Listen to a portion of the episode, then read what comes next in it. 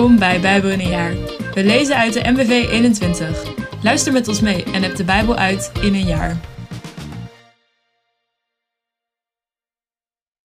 Mijn naam is uh, Ida Buikema. Het is vandaag 22 maart en we gaan lezen uit Psalm 36, nummerie 13, vers 26 tot en met 33, nummerie 14 en Lucas 4, vers 14 tot en met 37. We lezen Psalm 36 voor de koorleider van David, de dienaar van de Heer. De zonde spreekt tot de goddeloze diep in zijn hart. Angst voor God kent hij niet. De zonde sust zijn geweten in slaap. Geen besef van schuld, geen afkeer van het kwaad. Hij spreekt woorden van onheil en bedrog en blijft ver van wat wijs en goed is. Op zijn bed bedenkt hij verderfelijke plannen. Hij betreedt een verkeerde weg en het kwade verwerpt hij niet. Heer, hoog als de hemel is uw liefde, tot in de wolken reikt uw trouw. Uw gerechtigheid is als de machtige bergen, uw rechtvaardigheid als de wijde oceaan. U, Heer, bent de redder van mens en dier. Hoe kostbaar is uw liefde, God? In de schaduw van uw vleugels schuilen de mensen. Zij laven zich aan de overvloed van uw huis. U lest hun dorst met een stroom van vreugde, want bij u is de bron van het leven, door uw licht zien wij licht. Toon aan uw getrouwen gedurig uw liefde, aan de oprechten van hart uw gerechtigheid. Laat de voet van hoogmoedigen mij niet vertrappen, de hand van goddelozen mij niet verjagen. Daar liggen zij die verderf zaaiden, gevallen, neergestoten, zonder kracht om op te staan. We lezen nummer 13 vanaf vers 25 tot en met 33. Nadat ze het land veertig dagen lang verkend hadden, keerden ze terug naar Kades in de woestijn van Paran, naar Mozes, Aaron en de andere Israëlieten. Ze brachten aan het hele volk verslag uit en lieten de vruchten uit het land zien. Wij zijn in het land geweest waar u ons naartoe hebt gestuurd, vertelden ze aan Mozes. Werkelijk, het vloeit over van melk en honing, en deze vruchten groeien er.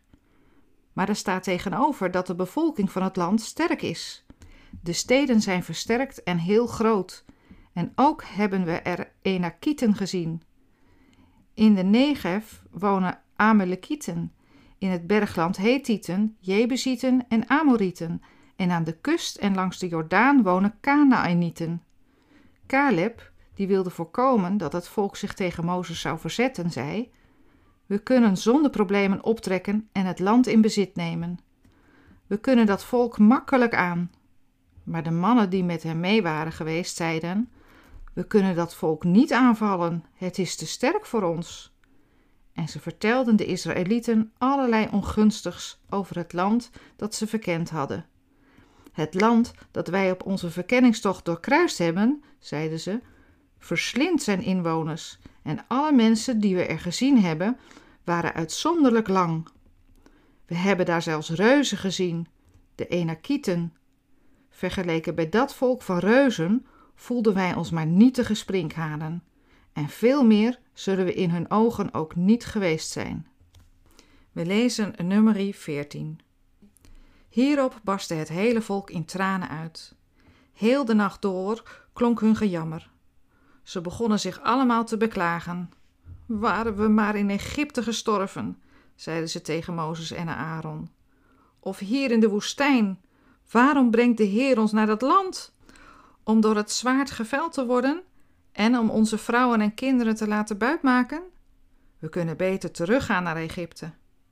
En tegen elkaar zeiden ze: Laten we een leider kiezen en teruggaan naar Egypte. Toen wierpen Mozes en Aaron zich ter aarde, ten overstaan van de voltallige gemeenschap van Israël. Jozua, de zoon van Nun, en Caleb, de zoon van Jefunne, twee van degenen die het land verkend hadden, scheurden hun kleren en zeiden tegen de Israëlieten: Het land dat wij op onze verkenningstocht doorkruist hebben, is een buitengewoon goed land. Een land dat overvloeit van melk en honing. Als de Heer ons goedgezind is, zal Hij ons erheen brengen en het ons geven. Maar verzet u dan niet tegen de Heer en wees niet bang voor de bevolking van het land. Die vermorzelen we met gemak. Zij hebben niemand die hen beschermt en wij worden bijgestaan door de Heer. Wees dus niet bang voor hen. Het volk dreigde hen te stenigen, maar toen verscheen de majesteit van de Heer in de ontmoetingstent aan de Israëlieten. De Heer zei tegen Mozes: Hoe lang zal dit volk mij nog afwijzen? Hoe lang nog zal het weigeren op mij te vertrouwen, ondanks alle wonderen die ik verricht heb? Ik zal het met de pest treffen en het uitroeien. En uit jou zal ik een volk laten voortkomen dat groter en sterker is dan dit.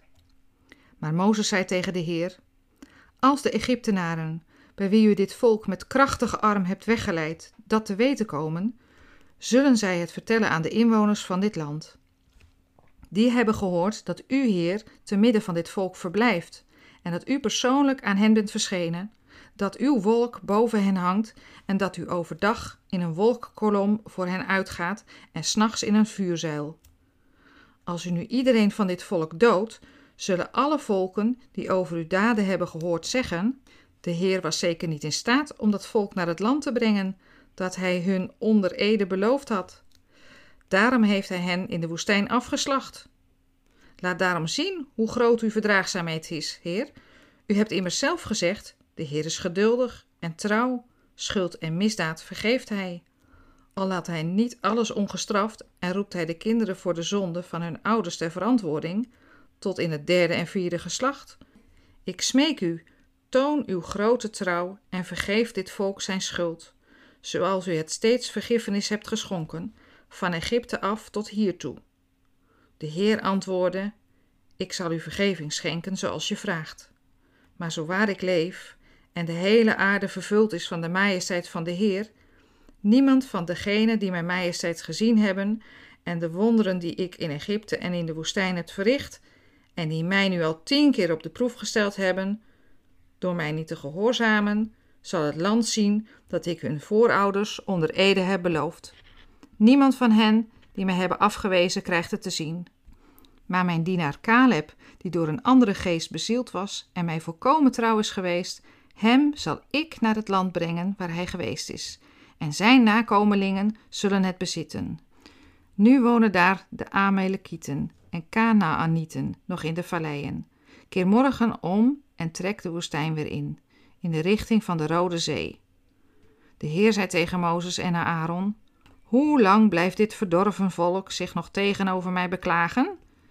Ik heb hun voortdurende geklaag lang genoeg aangehoord. Zeg hun dit, zo waar ik leef, spreekt de Heer. Ik zal zeker met jullie doen wat ik je heb horen zeggen. Hier in de woestijn zullen jullie lijken liggen, de lijken van allen die ingeschreven zijn, alle van twintig jaar en ouder, niemand uitgezonderd, omdat jullie je tegenover mij beklaagd hebben. Jullie zullen het land waarvan ik gezworen heb dat je er zou wonen, niet binnengaan, met uitzondering van Caleb, de zoon van Jefune, en Jozua, de zoon van Nun. Jullie kinderen, die volgens jullie zouden worden buitgemaakt, zal ik er wel brengen. Zij zullen het land dat jullie versmaad hebben leren kennen. Maar wat jullie betreft, jullie lijken zullen hier in de woestijn komen te liggen. En je kinderen zullen veertig jaar lang door de woestijn ronddolen om te boeten voor je ontrouw, totdat jullie lijken hier in de woestijn vergaan zijn. Veertig dagen hebben jullie het land verkend, veertig jaar zul je voor je schuld boete doen, één jaar voor elke dag. Dan zul je ondervinden wat het betekent als ik mijn handen van je aftrek. Ik, de Heer, zweer dat ik zo zal handelen met heel dit verdorven volk dat tegen mij heeft samengespannen. Hier in de woestijn zal hun leven een einde nemen, hier zullen ze sterven. De mannen die Mozes erop uitgestuurd had om het land te verkennen, en die na hun terugkeer het volk tot geklaag hadden aangezet door allerlei ongunstigs over dat land te vertellen, die mannen stierven in de buurt van het heiligdom ten gevolge van een plaag omdat ze het land in een kwaad daglicht hadden gesteld. Twee van de verkenners van het land echter, Jozua, de zoon van Nun, en Caleb, de zoon van Jefune, bleven in leven. Toen Mozes de woorden van de Heer aan de Israëlieten overbracht, werd het volk diep bedroefd. De volgende morgen vroeg wilden ze de bergen intrekken. We zijn alsnog bereid om op te trekken naar de plaats waarover de Heer gesproken heeft, zeiden ze. We hebben gezondigd. Maar Mozes zei: Waarom gaat u nu in tegen het bevel van de Heer? Zo'n onderneming is gedoemd te mislukken. Trek niet ten strijde, want de Heer is niet in uw midden. Doet u het toch, dan zult u door uw vijanden verslagen worden. Want u komt daar tegenover de Amalekieten en de Kanaanieten te staan. En u zult in de strijd omkomen, omdat u zich van de Heer hebt afgewend. De Heer zal u niet bijstaan. Toch waren ze zo overmoedig om de bergen in te trekken, hoewel de ark van het verbond met de Heer bij Mozes in het kamp bleef. De Amalekieten en de Kanaanieten, die daar in het bergland woonden, kwamen hun tegemoet, brachten hun een nederlaag toe en dreven hen terug tot Gorma. We lezen Lucas 4, vers 14 tot en met 37. Optreden van Jezus in Nazareth. Vervuld met de kracht van de geest keerde Jezus terug naar Galilea. Het nieuws over hem verspreidde zich in de hele streek. Hij gaf de mensen onderricht in hun synagogen en werd door allen geprezen. Hij kwam ook in Nazareth, waar hij was opgegroeid, en volgens zijn gewoonte ging hij op sabbat naar de synagoge. Toen hij opstond om voor te lezen, werd hem de boekrol van de profeet Jesaja overhandigd, en hij rolde hem af tot de plaats waar geschreven staat: De geest van de Heer rust op mij, want hij heeft mij gezalfd, om aan armen het goede nieuws te brengen. Heeft hij mij gezonden, om aan gevangenen hun vrijlating bekend te maken en aan blinden het herstel van hun zicht, om onderdrukten hun vrijheid te geven, om een genadejaar van de Heer uit te roepen. Hij rolde de boekrol op, gaf hem terug aan de dienaar en ging weer zitten. De ogen van alle aanwezigen in de synagoge waren op hem gericht. Hij zei tegen hen: Vandaag is de schrifttekst die jullie gehoord hebben in vervulling gegaan. Alle betuigden hem hun bijval en verwonderden zich over de genaderijke woorden die uit zijn mond vloeiden. En ze zeiden: Dat is toch de zoon van Jozef? En hij zei tegen hen: Ongetwijfeld zullen jullie me dit gezegde voorhouden. Genees, Heer, genees u zelf.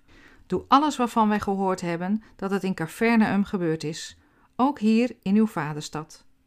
Hij vervolgde: Luister, ik zeg jullie dat geen enkele profeet welkom is in zijn vaderstad. Maar ik zeg het jullie zoals het is. In de tijd van Elia, toen de hemel drie jaar en zes maanden lang gesloten bleef en er in het land een grote hongersnood uitbrak, waren er veel weduwen in Israël. Toch werd Elia niet naar een van hen gezonden, maar naar een weduwe in Serepta bij Sidon. En in de tijd van de profeet Elisa waren er veel mensen in Israël met een huidziekte die hen onrein maakte. Toch werd niemand van hen gereinigd, maar wel de Syriër Naaman.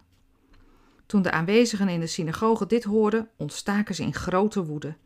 Ze sprongen op en dreven hem de stad uit, naar de rand van de berg waarop een stad gebouwd was, om hem in de afgrond te storten. Maar hij liep midden tussen hen door en vertrok. Optreden van Jezus in Capernaum. Hij ging naar Capernaum, een stad in Galilea, waar hij de inwoners steeds op sabbat onderwees. Ze waren diep onder de indruk van zijn onderricht, want hij sprak met gezag. Er was in de synagoge een man die bezeten was door een geest, een onreine demon, en deze schreeuwde luidkeels: Ah, wat hebben wij met jou te maken, Jezus van Nazareth? Ben je gekomen om ons te vernietigen? Ik weet wel wie je bent, de heilige van God. Maar Jezus sprak hem streng toe en zei: Zwijg en ga uit hem weg. De demon smeet de man op de grond, midden tussen de mensen, en ging uit hem weg zonder hem te verwonden. Alle waren verbijsterd. Ze bespraken het voorval met elkaar en zeiden: Wat zijn dat voor dingen die hij zegt? Hoe komt het dat hij het gezag en de macht heeft om onreine geesten zijn bevelen te geven, zodat zij de mensen verlaten? Het nieuws over hem verspreidde zich overal in de streek. Dit was het voor vandaag. Dag! Bedankt voor het luisteren allemaal. Nog een gezegende dag en tot morgen.